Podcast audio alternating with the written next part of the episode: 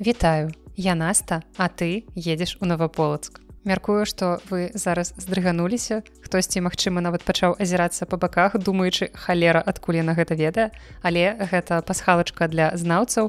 І пакуль хтосьці едзе ў Новополацк, мы пачынаем прыгожы 111 выпуск падкаста Белліт па-першае я вас віншую. Мы перажылі два месяцы зімы. Застаўся апошні люты але мне падаецца што недарэмна яго такая назва і нас чакаюць яшчэ нейкія прыгоды. Але раз скончыўся ў нас месяц значыць што прыйшоў час падсумаваць што ж цікавага адбылося за гэты месяц у літаратурным свеце якія падзеі здарыліся ў беларусі і таксама за яе межамі але я думаю што вы разумееце што для мяне найважнейшая падзея літаратурнага свету адбываецца тут і цяпер менавіта са мной. Я мяркую, што многія з вас уже чыталі навіны і вы ведаеце, што мы открываем у варшаве кнігарню кнігаўка. І гэта будзе кнігаўка 2 і 0 і я спадзяюся, што мой рабочы дзень больш не будзе з графікам суткі праз 23. Але хоць і афіцыйна мы яшчэ не адкрыліся, яшчэ не запускалі наведвальнікаў, але памяшканне стала нашым ужо першага лютага, то бок некалькі працоўных дзён у мяне ўсё ж таки ўжо было. Псіхалагічны бар'ер я пераадолела, не працавала ў фірме аднадзёнцы але мяркуем што ўжо недзе 6 лютага у гонар десятгоддзя выдавецтва янушкевич мы зможам запускаць у кнігарню наведвальнікаў. Пакуль гэта хаця б будзе адбывацца ў такім фармаце самавываз заказаў сайта мы будзем усталёўваць ужо кніжныя стэлажы якія мусяць прыехаць на наступным тыдні. Мы раскладаем кнігі упакоўку для заказаў розныя бытавыя дробязі купілі чайнік карацей жыць ужо можна. І у нас не будзе нейкага такога урачыстага афіцыйнага адкрыцця тому што памяшканне на жаль у нас не такое вялікае яно мне падаецца нават меншае за кнігаўку якую мы адкрылі ў мінску ну так дакладна дакладна меншая і таму натоўпы наведвальнікаў на жаль наше памяшканне змясціць не можа. Ну і таксама пакуль што не буду вам здаваць лакацыю гэта ўсё мы паведамім афіцыйна на старонках выдавецтва. Таму цяпер у вас акрамя гісторыі маёй адаптацыі у эміграцыі дарэчы класная назва вельмі вельмі паэтычная назва атрымалася для подкаста адаптацыя ў эміграцыі карацей калі калі што карыстайцеся дару. Дык вось цяпер у вас акрамя гэтай гісторыі пра адаптацыю таксама будуць яшчэ гісторыі з кнігарні кнігаўка І дарэчы сёння акурат гэтым мне хочацца пачаць Таму што цуды звязаныя з гэтым месцам ужо здараюцца. Напрыклад сёння другога лютага мы з выдаўцом Андреем янушкевичам акурат ездзілі па крамах у пошуках розных такіх бытавых дробязяў для кнігарні. Банальна швабра э, венікі вось гэта ўсё. І мы паехалі зразумела шуйкею дзе можна прасцей хутчэй гэта ўсё купіць. І вядома ж мы завіталі ў знакаміты ікеўскі рэстаран. Захацелася нам паабедаць і вось стаім мы ў гэтай чарзе на раздачу. Андрей янушкевич просіць сабе ежу каб яму паклалі там пэўную страву. І тут раптам чалавек які накладвае нам ежу кажа віншую вас з адкрыццём кнігарні гэта было мабыць самае нечаканае што са мной адбылося вось за гэта ўжо трошкі больш за месяц у варшаве. Карацей чалавек які працуе ў ікеі відавочна беларус по імені ігар калі раптам ён мяне чуе ну всякое можа быть я перадаю прывітанне і ён нас з янушкевичам пазнаў у чарзе і ён павіншаваў нас з адкрыццём кнігарні бо ўжо чуў навіны і пачаў адразу распытваць а што гэта будзе дзе гэта будзе. І гэта было так нечакана і настолькі прыемна што так мы уже можа з Андреем мікалавічам можемм адчуваць сябе такімі як ён кажа селябрыцямі якіх пазнаюць на вуліцах нават у варшаве. Гэта зразумела ўзровень. Ну і далей прыгоды гэтага дня не скончыліся тому што купіўшы усе патрэбныя рэчы мы павезлі іх у кнігарню. І калі мы ўжо сядзелі ў кнігарні распакаваўшы новы чайнік вырашылі яго абнавіць пілі каву і гарбату да нас раптам пагрукаўся чалавек хлопец які завітаў і сказаў што цудоўна вы будзеце ў маім доме. Карацей яшчэ адзін наш чытач і пакупнік які прызнаўся што мае на паліцах амаль усе нашай кнігі звычайна іх купляе ён жыве літаральна ў тым жа самым доме у якім мы открываем кнігарню. Гэта сапраўды нейкі цуд ён быў вельмі здзіўлены ён пабачыў нас і пазнаў і зайшоў да нас таму што літаральна там дзверы пад'езда знаходзіцца побач з нашымі дзвярыма ў кнігарню. Гэта дом усяго на один пад'езд ён невялікі і якая была верагоднасць што ў доме у якім мы открываем кнігарню будзе жыць чалавек які купляе чытае наши кнігі. І таксама праз некаторы час завітала невеста гэтага хлопца якой ён таксама паведавіў што мы тут таксама павіншавала нас з адкрыццём. І гэта настолькі было міла і прыемна і я не разумею ці то гэта варшава нягледзячы на свае немалыя памеры мне пасля мінску увогуле ў гэтым мехаполісе даволі цяжка жыць. Дык вось ці то гэта варшава такая невялікая кампактная што тут усё настолькі шчыльна. Ці то гэта сапраўды беларусаў у варшаве настолькі шмат што яны тут сустракаюцца літаральна на кожным кроку. Гэта з аднаго боку прыемна што ты разумееш што тут ёсць на каго працаваць для каго открываць гэтую кнігарню што людзі будуць завітваць але з іншага боку мне вельмі сумна што ўсе гэтыя людзі тут а не дома у тым ліку і я і зразумела што конечно не хочацца тут думаць адразу пра сумнае давайте думаць пра пазітыўнае што будзе час калі мы зноў будзем открываць кнігарню кнігаўка ўжо ў мінску. Гэта будзе філіял або наадварот гэта будзе галоўная кнігарня з філіяламі ў варшаве ці яшчэ ў нейкіх у вільні ў іншых гарадах Еўропы. Карацей будзем думаць пра добрае. Ну а пакуль што адкрыццё кнігарні займае вельмі шмат часу мне сёння вельмі хацелася выпусціць для вас падкаст каб ён выйшаў суботу каб не было больш ніякага перапынку. Я моцна старалася і я спадзяюся што ну раз вы гэта чуеце хутчэй за ўсё мяне ўсё атрымалася і я не выразала гэты кавалачак каб роўненька праз тыдзень пасля мінулага падкаста вы атрымалі наступны Таму сачыце за навінамі выдавецтва ў садсетках мы абавязкова паведамім і пра дату ну умоўна скажем адкрыцця калі вы ўжо зможаце выкарыстоўваць нашу пляцоўку для самавывазу або калі мы ўжо паўнавартасна будзем працаваць як кнігарня. Там мы паведамім і пра месца і пра час працы. Уся патрэбная інфармацыя будзе абавязкова там. Ну і магу толькі сказаць што гэта цудоўнае месца гэта недалёка ад узбярэжжа віслы. Гэта літаральна адзін трамвайны прыпынак будынак ад старога гораду зусім блізка дабірацца ад цэнтру плюс яшчэ калі адкрыецца пешаходны мост здаецца вясной ён мусіць адкрыцца. Увогуле да нас будзе цудоўна дабірацца прыгожы раён Таму я вельмі чакаю калі нарэшце ўсё расцвіце з'явіцца зеляніна трошки больш сонца будзе на вуліцах і ваколіцы гэтага месца просто расквецяцца. Ну і адным з упрыгожванняў гэтага месца акрамя тых што там ужо ёсць стане у тым ліку і наша кнігарня. Вельмі вельмі чакаю. Гэта вельмі такое доўгачаканае і можна сказаць выпакутаванае месца дзеля якога давялося нават трошки на акрэсціна пасядзець ну і што вось такія вось умовы працы у культурных дзеячаў у беларусі за яе межамі у наш час. Але Мачыма пра нас нават немагчыма я ўпэўнены хутчэй за ўсё пра нас калісьці будуць пісаць у падручніках по літаратуры і дзеці будуць вывучаць гэты перыяд у школе без цэнзуры ва ўсіх падрабязнасцях Так што прыемна быць часткай гісторыі магу скончыць так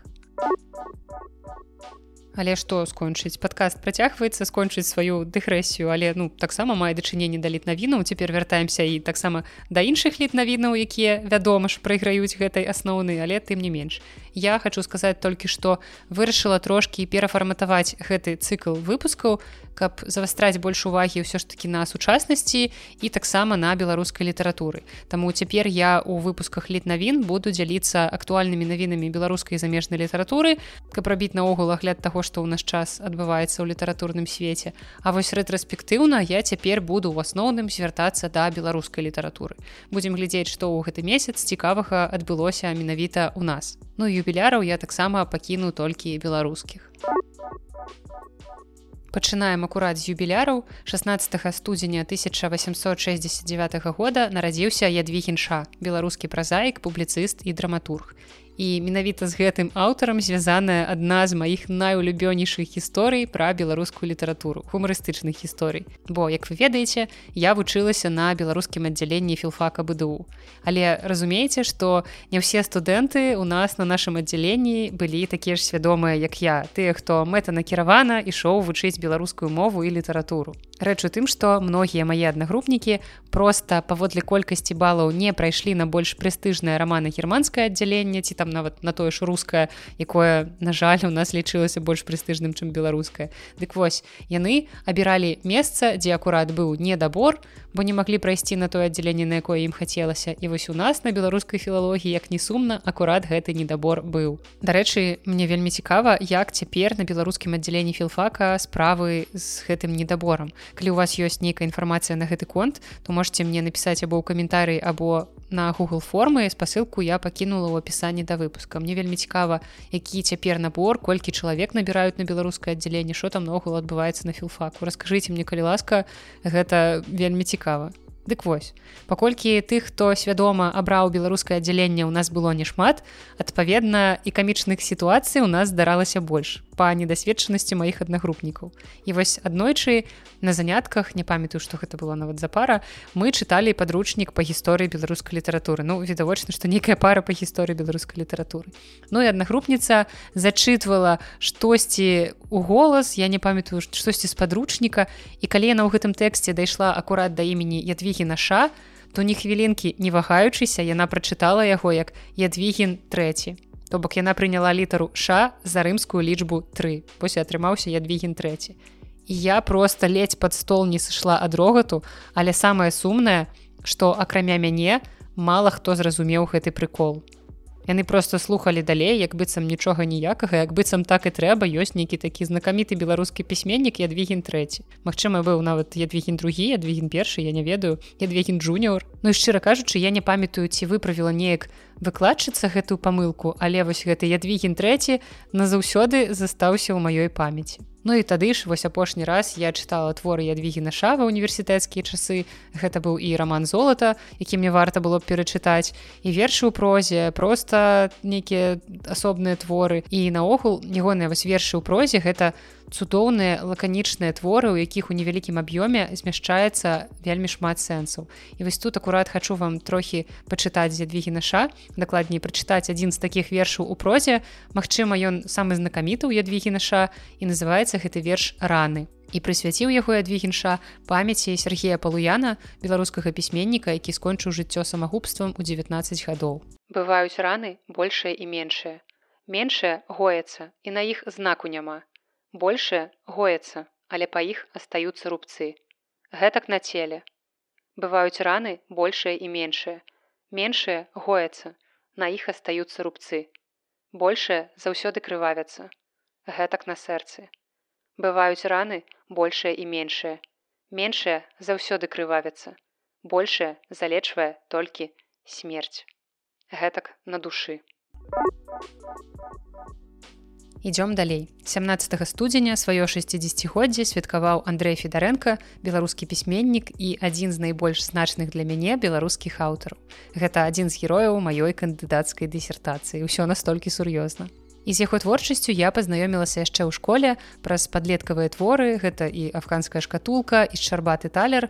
І паводле апошняга твора я нават глядзела фільм я глядзела яго ў дзяцінстве. Я асабліва нічога ўжо не памятаю памятаю толькі акцёры якія там здымаліся. Але памятаю што ну прынцыпе мне спадабалася. І ўжо потым я дабралася да дарослай творчасці федарэнкі і магу сказаць цалкам упэўнена што гэта ўжо такі жывы класік беларускай літаратуры і сваю першую курсавую в універсітэце я таксама пісала па ягоным творы. Гэта была аповесць ланцуг з аднайменнага зборніка. І далей я звярнулася да аўтабіяграфічнай творчасці федарэнкі да рамана мяжа які з курсавых перарос у дыплом потым перарос у магістарскую дысертацыю і нарэшце у кандыдацкую дысертацыю якую я так і не абараніла хоць і напісала і хачу трошки расказаць вам пра гэты твор пра аўтабіяграфічны роман эсэ мяжа які прысвечаны асэнсаванню аўтарам ключавых этапаў свайго сталення і станаўлення і тых жыццёвых фактараў якія найбольш паўплывалі на ягоны светапогляд. Гэты твор пісаўся ў 2008-2009 годах і стаў такім своеасаблівым падсумаваннем пэўнага этапу творчасці пісьменніка што ён сам неаднаразова падкрэслівае ў рамане Ну і стымулам да напісання рамана стала дасягнення пісьменнікам узроставай мяжы ў 45 гадоў, што ён таксама заўважае ў творы і да гэтай своеасаблівай мяжы уласна ў гонар чаго названая гэтая кніга. Ён падышоў з пэўным багажом жыццёвага досведу, нейкіх успамінаў, уражанняў і таксама літаратурнага матэрыялу. І вось з усяго гэтага ўласна атрымалася кніга і калі вам цікавая асоба гэтага аўтара то я думаю што роман мяжа стане такім даволі добрым знаёмствам з федарэнкам. Вы нібыта прачытаеце ягоную біяграфію дакладней аўтабіяграфію і гэта будзе асабліва цікава менавіта таму што на напісаная самім аўтарам. Зразумела што гэта можа быць не зусім аб'ектыўна Мачыма не зусім праўдзіва тому что ну можа быть нам хочацца штосьці прыхарошваць пра сябе але я абяцаю што гэта будзе вельмі вельмі шчыра Таму што Федарэнка сапраўды мае даволі цікавую няпростую біяграфію.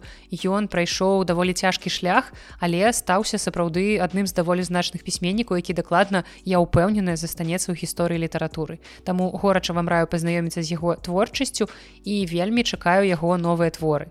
І вось дарэчы пра новы твор таксама зараз пагаворым бо ёсць такая навіна што ў гонар юбілею пісьменніка часопіс дзеяслоў які на жаль перапыніў сваю папяровую дзейнасць про гэта мы пагаворам пазней. Дык вось часопіс на сваім абноўленым сайце выставіў у адкрыты доступ новы роман Андрэя федарэнкі под назвай сцэнарыст я пакіну вам спасылку опісанні да выпуска і сама яшчэ гэты твор не прачытала але ўжо ў прачуванні абавязкова потым падзялюся сваімі ўражаннямі і вы таксама дзяліцеся сваімі Такія былі юбіляры, а цяпер мы пераходзім да літаратурных навін. Спачатку мы паглядзім, што ж цікавага адбылося ў замежным літаратурным свеце, ўжо потым пяройдзем да навінаў беларускай літаратуры. Пачнём з кніжных рабаўнікоў. Рэч у тым, што ў Францыі затрымалі некалькіх грамадзян Грузіі, якія кралі ў еўрапейскіх бібліятэках прыжыццёвае выданні Пушкіна Гогаля і Лермонтова і скралі яны больш за 20 кніг з бібліятэк Францыі, Геррманіі, Швейцарыі, Фінляндыі, Польшчы і краін Балтыі. Злодзеі прадстаўляліся даследчыкамі рускай класікі і прасілі выдаць ім рэдкія выданні. Затым яны гэтыя выданні проста выносілі ці нават падмянялі фальшыўкамі. Вось напрыклад, адзін са злачынцаў заявіў у нацыянальнай бібліятэцы Францыі, што ён піша дысертацыю на тэму дэмакратыя ў рускай літаратуры 19 стагоддзя. І пасля гэтага ён такі сур'ёзны даследчык скраў 8 кніг агульнай цаной 650 тысяч еўра. І хоць злодзея ўжо затрымалі, але выкрадзеныя выданні яшчэ не знайшлі. І мяркуюць, што хутчэй за ўсё іх ужо перадалі заказчыкам і гэтыя заказчыкі хутчэй за ўсё так лічаць лечы знаходзяцца ў рассіі. Магчыма, ведаеце, гэта такая тонкая, хаця якая тонкая. Калі іх злавілі, то не вельмі тонкая. Карацей такая спецыфічная дыверсія рассіі па вяртанні арыгіналаў твораў на радзіму. Я абсалютна не здзіўлюся, калі гэта сапраўды менавіта нейкі заказ, магчыма, нават дзяржаўныя вось такія тэорыі змовы. Ну і вы памятаеце, што выпуск літ навін без навін пра штучны інтэлект гэта бессэнсоўны выпуск. Таму вітайце. Японская пісьменніца атрымала прэмію за раман, створаны пры дапамозе нейрасеткі. Праўда, яна сама заявіла, што чат GPT згенераваў толькі 5% тэксту, гэта японская пісьменніца Рэа Кудан. І вось гэтыя фрагменты, якія згенераваў чат GPT, яна дадала ў твор без зменаў. Але блин, ну нават 5% тэксту гэта ўжо даволі вялікая частка у залежнасці ад таго наогул, якога памеру твор. І таксама з нейрасеткамі звязаны сюжэт яе кнігі, такійская вежа спагады, вось так яна называецца гэтая кніга. Сюжэт такі. У мясцовым парку будуецца хмарачос і архітэктар незадаволены паўсюдным выкарыстаннем выкарыстаннем чат-ботаў. Насамрэч сюжэт гучыць даволі цікава і арганізатары гэтай літаратурнай прэміі якую яна атрымала адмовіліся каментаваць узнагароджанне пераможцы пасля таго як яна заявіла пра гэтае суаўтарства з чат-ботам. Ну як бы а што ім цяпер рабіць? Не забіраць жа ім гэту ўзнагароду са скандалам.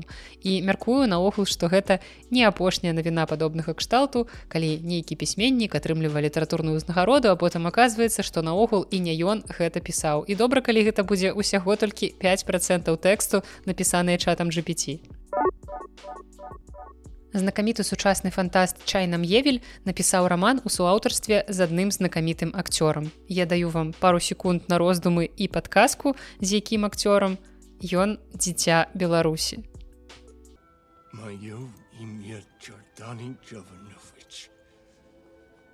Я дзіця Беларусі. Сапраўды брытанскі фантаст Чайна М'евель і акцёр Кіану Рыус напісалі раман, які называецца Элзуэ, назва якога ў арыгінале даволі шматзначная і можа адначасова называцца па-беларуску як у іншым месцы паўсюль нідзе карацей любыя варыянты можна прыдумаць.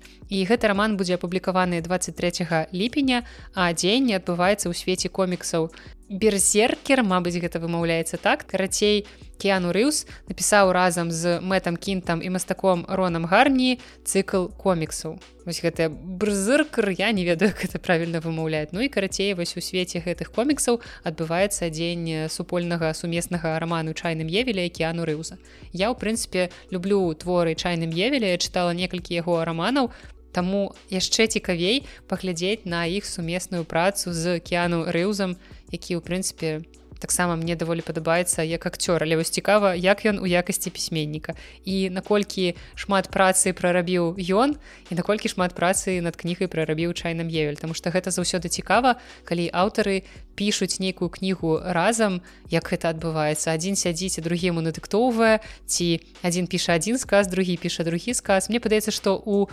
кожнага творчага літаратурнага дуэта. Гэта адбываецца по-рознаму і вось цікава было б каб потым яны расказалі як все ж таки адбывалася праца над кнігай. Я буду сачыць за навінамі Мачыма нейкія такія звесткі я і знайду. Ну і цяпер пераносімся ў Беларусь і ў навіны беларускай літаратуры за мяжой таксама. Бо як бы у нас часткова нешта адбываецца ў беларусі пра беларускую літаратуру нешта адбываецца і за мяжой і спачатку я была па адзін бок цяпер я па іншы бок. Ну і пачнём з навінаў па іншы бок але не там дзе я. У літоўскай вёсцы сужаны сужаны сужаны я не ведаю як правильно гэта памаўляецца хутчэй за ўсё сужаны. Гэта вёска знаходзіцца на віленшчыне дык вось там знайшлі магілу беларускага паэта і фальклорыста старога уласа. І магіла закінутая яна патрабуе аднаўлення але цяпер прынамсі памяць паэта будзе належным чынам ушанаваная Здаецца, даўно не было чуваць нічога пра закрыццё ці часовае перапыненне дзейнасці беларускіх выдавецтваў, бо рэч у тым, што не так і шмат іх у Беларусі адкрытых і засталося. Ну і наогул, як падлічыў партал Белалітынфа, пачынаючы з 2022 года, як мінімум сем незалежных беларускіх выдавецтваў былі пазбаўлены выдавецкіх ліцэнзій і або ліквідаваныя. І вось нядаўна ў афіцыйным тэлеграм-канале міністэрства інфармацыі з'явілася наступная навіна. Міністэрства інфармацыі прыпыніла на адзін месяц дзеянне пасведчання выдаўца друкаваных выданняў індывідуальнага прадпрымальніка цымберава рамана михайловича насамрэч трэба было б каб гэтую фразу зачытваў нейкі механічны абсалютна бездушны рабатызаваны голас бо менавіта так гэта навіна і гучыць і прычына гэтага прыпынення не тлумачыцца але мне гэта падаецца нейкім трывожным званочкам Таму што пасля такіх прыпыненняў мала хто ў нас заставаўся з выдавецтва на плаве але вядома ж хацелася б спадзявацца што ўсё будзе добра у выдаўца романа цымберова Святлана Алексеевич агучыла рабочую назву кнігі, над якой цяпер працуе. І назва гучыць так у чаканні варвараў.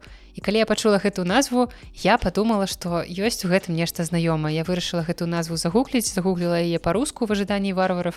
І так і ёсць. Аказалася, што гэта верш грэчаскага паэта Канстанціна Сакафафіса, і я нічога ў яго не чытала але раней я слухала адзін падкаст пра нобелеўскіх лаўрэатаў і якраз кавафісу быў прысвечаны цэлы выпуск. Я тады запомніла назву ягонага гэтага самага знакамітага верша. Таму вось такая цікавая адсылка ў алексеевич Я думаю што перад чытаннем яе новага твора калі ён выйдзе трэба будзе абавязкова пазнаёміцца з вершам кавафіса Ну а новая кніга нашай нобелеўскай лаўрэаткі будзе пра рэвалюцыю два -го года пра нашу спробу як сказала сама пісьменніца пісьменніца. Ну і другая навіна пра Святлану Алексеевич, яе кніга час секонд-хенд трапіла ў спіс найлепшых паводле міжнароднай журналісцкай сеткі IJnet. І гэта спіс кніг пра журналістыку і журналістаў. Ініцыятыва па агучванні аўдыакніг кніжны воз паведаміла, які цікавы ў іх з'явіўся памочнік, дакладней памочніца. Стала вядома, што Алеся сёмуха гэта хрэсніца пісьменніка Владзіміра Караткевіча дапамагае агучыць яго раман каласы пад серпом тваім. Запіс рамана пачаўся ў студзені і я разумею, што гэты твор аб'ёмны, таму нам давядзецца пачакаць, але сапраўды будзе вельмі цікава паслухаць, што ж з гэтага атрымаецца. Наступная навіна з рубрыкі цырк на дроце пра ўладны саюз пісьменнікаў займаецца пошукам экстрэмізму ў кнігарнях. Пра гэта паведаміў кіраўнік саюза Алесь Карлюкевич. І паводле яго слоў ён стварыў спецыяльную групу, якая вывучае пастаўкі як з беларускіх, так і з расійскіх выдавецтваў. Ну як бы што сказаць поспехаў у пошуках можна ўвогуле падкідваць кнігі. Я не ведаю, каб весялей жылося, прычым падкідваць кнігі ў бел кнігу ці там самім гандляваць пад палы, каб плавіць покупнікоў типа малец хочаш трошачки экстрэмізму Але насамрэч я просто просто стамілася каментаваць падобныя рэчы і наколькі абсурдна гэта выглядае і не ведаю няўжо яны самі не бачаць наколькі абсурдна гэта выглядае. Ну Мачыма не бачыць раз гэта робяць далей. Але працягваем рубрыку цырк на дроце генеральны дырэктар белкнігі владимир матусевич расказаў якія кнігі ў іх летась карысталіся найбольшай папулярнасцю. Ну там зразумела ўсё па класіцы. Караткевич быкаў богданович гэта ясна. Тут усё папсова ўсё банальна але вішенька на торце абсалютным лідарам стала кніга генацыд беларускага народа выдадзеная пад рэдакцыяй генпракурора Андрэя шведа. Легендарнае выданне таму шаноўныя слухачы калі ласка подзяліцеся ў каментарях я не магу сур'ёзна гэта агучваць. Ці чыталі вы гэты бестселлер бел кнігі мне будзе вельмі цікава пачуць ваше кампетэнтнае меркаванне а галоўнае цэнзурнае і яшчэ адна сумная навіна на ўздагон навіне пра выдаўца рамана цымберова мы развітваемся з легендарным часопісам бо літаратурны часопіс дзеяслоў больш не будзе выходзіць у ранейшым папяровым фармаце. Але сумная навіна на толькі на палову бо рэдакцыя зрабіла падарунак чытачам з новага года у часопіса запрацаваў абноўлены сайт са зручным інтэрфейсам архівам нумароў тэкстамі тыдня і навінамі літаратуры. Таму я вельмі спадзяюся што хаця б у электронным фармаце але часопіс усё ж такі працягне існаваць і працягне радаваць чытачоў новымі тэкстамі Наступная навіна пра яшчэ аднаго беларускага літаратара, чыё імя, як і імя Святлана Алексеевічы грыміць далёка за межамі Беларусі. Саша Філіпенко стаў лаўрэатам літаратурнай прэміі французскага часопіса. Я не ведаю, як вымавіць гэтае слово па-французску, трансфуге, трансфьюдж, трансфуге, хутчэй за ўсё націск на апошні склад карацей вы зразумелі ці, не зразумелі. Карацей у намінацыі найлепшы еўрапейскі роман перамагла апошняя кніга філіпенкі якая называется крэмулятор і вось дарэчы гэтымі днямі другога і 3 лютага у берерліне адбыўся паказ спектакля паводле гэтага романа і гэту кнігу я прачытала адразу пасля таго як яна выйшла. Цяпер у мяне прачытаныя ўсе кнігі філіпенкі ну, такое сабе дасягненне скажем шчыра але я абавязкова раскажу вам про гэты твор. Ён сапраўды цікавы. У адным з наступных выпускаў подкаста гэта будзе. Як толькі я скончу з вами дзяліцца найлепшымі кнігамі мінулага года бо гэтая кніга хоць і прачытана ў мінулым годзе але не ўвайшла ў спіс найлепшага. Карацей просто здорово што беларускіх аўтараў заўважаюць на міжнароднай літаратурнай арэне Ну і да навінак беларускага кнігавыдання ў беларусі і за яе межамі. І першым няхай будзе выдавецтва тэхналогія якое пачынае выдаваць збор твораў народнага пісьменніка Івана чыгрынова і ўжо выдала першую кнігу. І выхад кніг прымеркаваны да яго 90годдзя і тут я ўспамінаю што калі я працавала ў музеі гісторыі беларускай літаратуры то акурат арганізоўвала і вяла ў бібліятэцы акадэміі навук мерапрыемства да яго 80годдзя прайшло ўжо 10 гадоў Боже мой як гэта было даўно. Мне здаецца літаральна што гэта было учора. Ну як я ўжо сказала у выдавецтве ўжо з'явіўся першы том змеркаваных 5 і ў гэты том увайшлі найбольш знакамітыя раманы аўтара такія як плач перапёлкі і апраўданне крыві Таму калі вам цікава паспяшайцеся таму што наклад у гэтай кнігі абмежаваны гэта ўсяго 100 асобнікаў і я пакіну вам спасылку на пакупку ў апісанні яшчэ одна навінка выдавецтва тэхналогія парадуе дзетак. Выйшаў з друку пераклад класікі амерыканскай дзіцячай літаратуры казачнай аповесці лаймана фрэнка баума чараўнік краіны ос кнігу пераклаў серж мядзведзяў а ілюстрацыі намалявала кацярына дубовік. І я як постсавецкі дзіцёнак зразумела расла не на гэтай кнізе. Я расла на перастварэннях волкава волшебніка зумрудного горада урфінджуса его дзеревянныя салдаты і вось гэта ўсё Таму мне яшчэ цікавей будзе пазнаёміцца з арыгіналам менавіта па-беларуску. Ну хоць нейкую класіку літаратуры сусветнай, няхай дзіцячы я прачытаю ўпершыню па-беларуску, а не па-руску. Ну і яшчэ адна дзіцячая навінка тэхналогіі гэта пераклад на беларускую мову кнігі надзея ясмінскай заклінальнік аднарогу. Першапачаткова кніга выходзіла па-руску, я чытала яе даволі даўно, але цяпер аўтарка самастойна пераклала і перапрацавала гэты твор, каб выдаць яго па-беларуску. Таму цікава было б гэтую кнігу перачытаць ужо на беларускай мове і ведаеце часам мне падаецца што цяпер менавіта ў беларусі выходзіць больш дзіцячых кніжак чым дарослых. Мачыма гэта можна патлумачыць тым што дзіцячыя кнігі выдаваць все ж таки больш бяспечна. Таму вітайце яшчэ одна навінка выдавецтва тэхналогія таксама дзіцячая. Гэта ілюстраваная гісторыя мастачкі марысі вярцейкі якая называется сплюшка і каралева жахаў прачытаю вам анатацыю да гэтай кнігі. Маленькі лянівец плюшка не самая папулярная зверанятка ў школе. Са сплюшкам не надта хочуць сябраваць бо ён засынае ў самых нечаканых месцах. На арэлях пры стале за кубкам гарбаты у садку сярод кветак. Тут моя маленькая ўстаўка што хутчэй за ўсё сплюшка просто звычайны сярэднестатыстычны студэнт. Але пакуль ніхто не здагадваецца што сплюшка мае важную адказную працу не для баязліўцаў. Уначы ён бароніць сны іншых зверанятак каб туды не прабралася каралева жахаў са сваімі памагатымі такое даволі цікавае мілае апісанне. Мне падабаюцца ілюстрацыі марысі вярцейкі. Цікава будзе пагартаць гэтую кнігу паглядзець на які ўзрост яна разлічаная мне так падаецца паводле апісання што магчыма гэта нейкія 4 плюс але але трэба глядзець. Ну і таксама мяне вельмі прываблівая вокладка гэтай кнігі тому што на ёй размешчаны лянівец моя татэмная жывёлка вельмі люблю іх абажаю. І першы раз ужывую побачыла ляніўца у зоапарку будапешты гэта сапраўды неверагодна мілая і прыгожая істоты вось тут яна на вокладцы гэтай кнігі тому што сплюшка гэта галоўны герой гэтай кнігі Далей цікавая навінка ад выдавецтва фонду камунікат. У іх выйшаў альбом даведнік пад назвай кніга могілак беларускія пахаванні ў свеце. І гэтая кніга працягвае серыю бібліятэка бацькаўшчыны.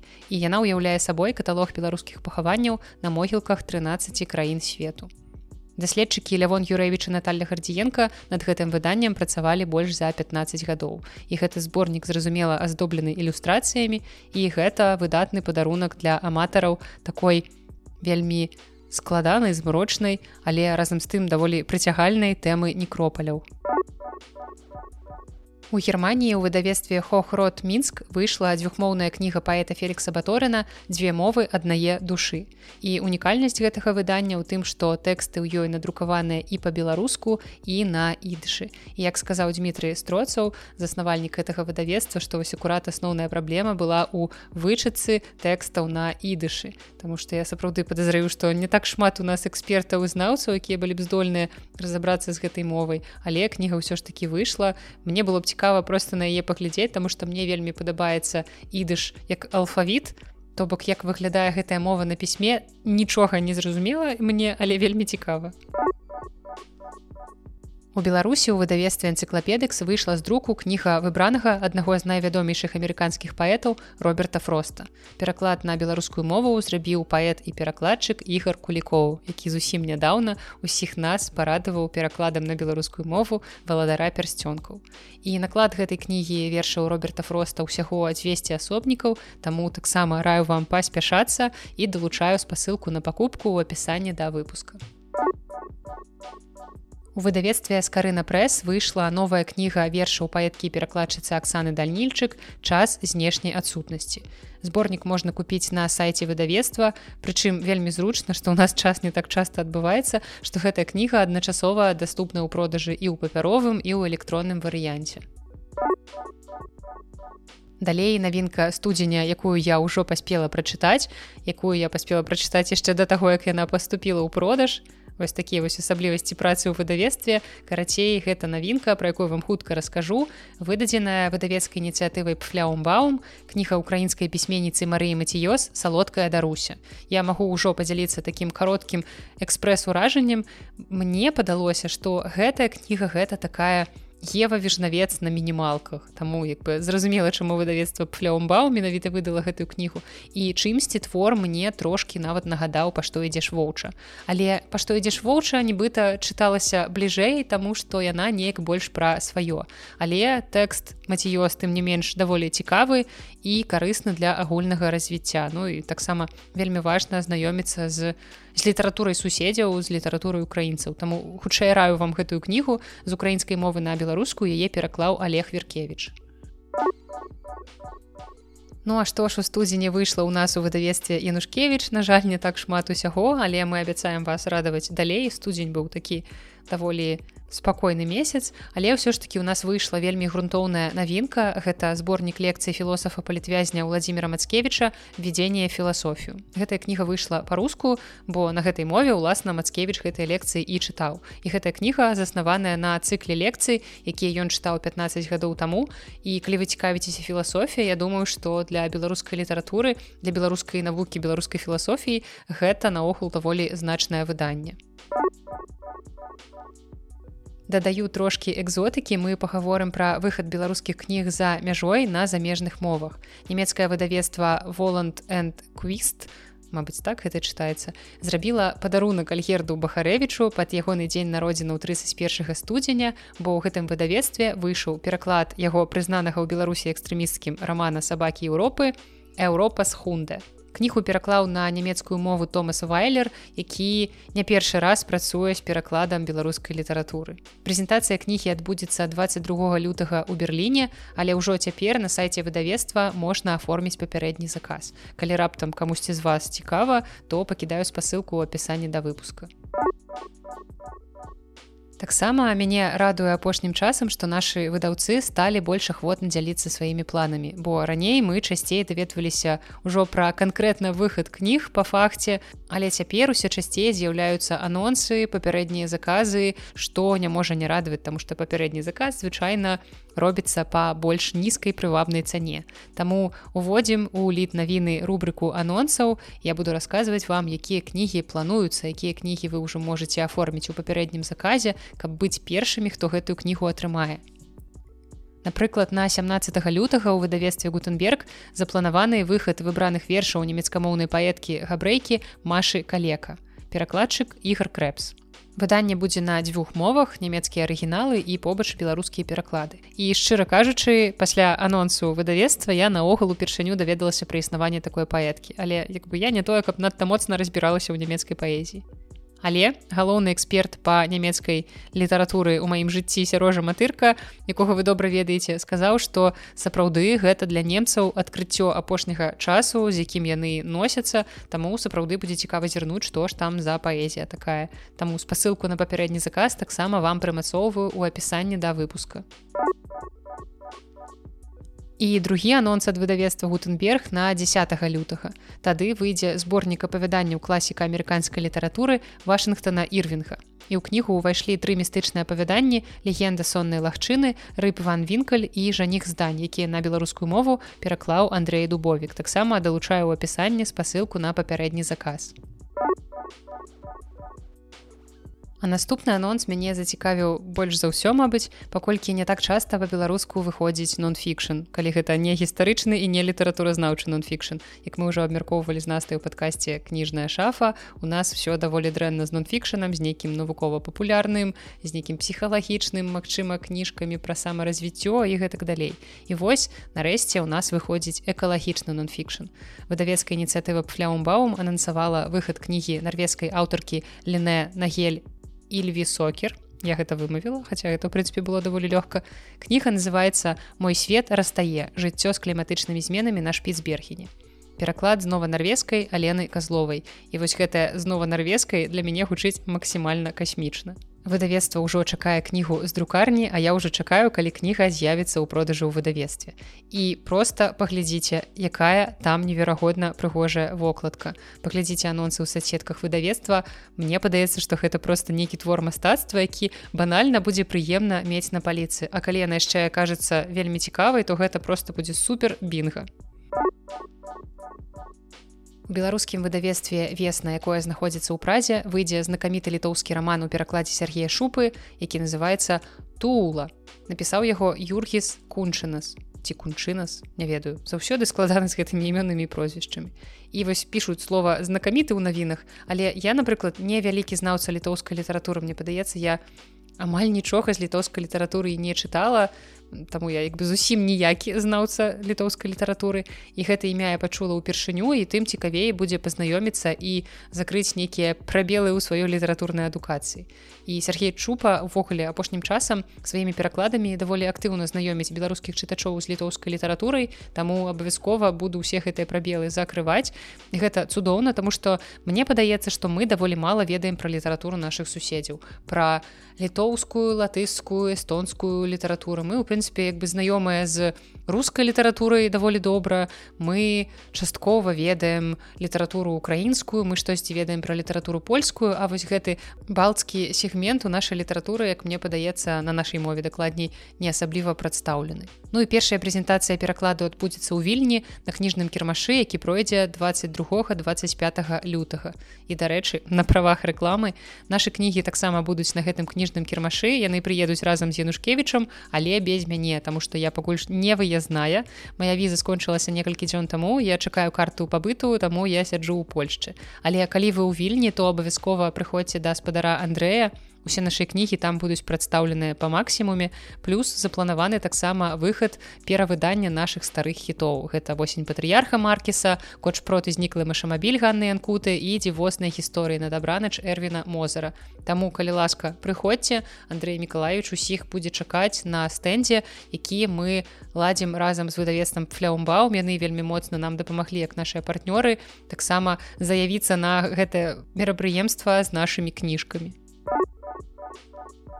Ну а цяпер з анонсаў больш далёкіх без дакладных дат. Гэта хутчэй такія выдавецкія планы на 24 год. Выдавецтва скарына прэс паведаміла, што яны набылі правы на тры французскія кнігі. Гэта эсэ Жана Поля Сартра экзістэнцыялізм гэта гуманізм. Таксама раман Сімона де Бавуар вельмі мяккая смерць. Зразумела, дзе Сартр там Бавуар.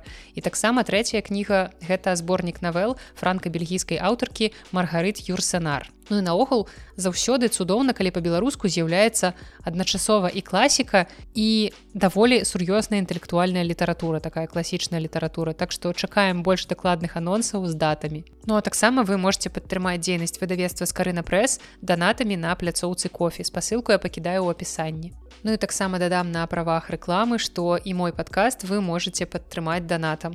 На сайце patreon.com вы можете падпісацца на падтрымку майго падкаста. Паступова там будзе з'яўляцца ўсё больш цікавых матэрыялаў. Прынамсі, я аднаўлю вярнутыя самыя выпускі чытацкага дзённіка, якія вам так полюбіліся просто сапраўды амаль няма часу записываць нейкія чытацкія дзённікі, бо цяпер большасць часу я чытаю кнігі ў грамадскім транспарце. Вось такі сумны час прыйшоў у мяне даволі мала часу неяк пасядзець пачытаць спакойна дома каб мець магчымасць для вас штосьці запісаць. Таму я спадзяюся што крыху спадзе гэтая мітусня з адкрыццём кнігарні і вернецца гэты фармат выйшла колькі там здаецца чатыры выпускі і вам вельмі вельмі гэта зайшло. Я вельмі усцешаная бо мне сапраўды таксама падабалася гэта записывать таму вельмі вельмі хачу вярнуцца. Так что дзякую яшчэ раз усім хто падтрымлівае мяне на патрыоне таксама у апісанні да выпуска вы можете знайсці спасылкі дзе мне можна задаць пытанні нейкія. Цяпер вы можете задаваць пытанні у прынцыпе і да мяне і да выдавецтва нушкевич можете адрасаваць пытанне асабістыя нушкевічу і наогул мы плануем зрабіць нейкі такі супольны супольны падкаст расказаць наогул пра дзейнасць выдавецтва пра дзейнасць выдавецтва ў больш глобальным плане то бок не канкрэтна выдавецтва нушкевич а наогул як функцыянуе незалежнае выдавецтва Таму у прынцыпе можете ўжо падкідваць мне ў Google формы нейкія пытанні або на пошту беллит пост сабака gmail.com нейкія пытанні вось на гэтую тэму што б вам цікава было б пачуць ад менавіта спадара Андрэя Янушкевіча пра працу выдавецтва пра працу з кнігамі рукапісамі іх і так далей. Карацей ўсё што вас цікавіць на што мы ў прынцыпе можам адказаць на тое і адкажам. Таму не саромцеся задавайце ваше пытанні. а Ну і апошні анонс на сёння. Пісьменніка выдавец зміцер вішнёў які нам вядомы па мінскім выдавецтве галіяфы якое на жаль таксама спыніла сваю працу ў беларусі анансаваў выхад навінкі ў межах серыі 33 кнігі для іншай беларусі і гэтая кніга гэта слоўнік вайны украінскага паэта і перакладчыка астапа слівінскага дзе аўтар перадае слова дае голас іншым записывае сведчанні вайны і ператвараецца ва ўкладальніка адмысловага слоўніка і я шчыра ўсцешаная што па-беларуску пачынаюць з'яўляцца такія актуальныя для цяперашняй украінскай літаратуры кнігі. І наогул я сама планую сёлета чытаць пабольш украінскай літаратуры. Мне вось літаральна цяпер ужо прыехалі у пункт выдачы кніжачкі ад украінскай кнігарні е. Я заказала украінскія кнігі. Цяпер яны насамрэч мне даступныя і даволі нядорага. Дастаўка не так шмат каштуе да Польшчы. Але спадзяюся што на наступным тыдні я гэтыя кніжачкі забяру. Там мяне чакаюць тры даволі яркія творы украінскай літаратуры сучаснай.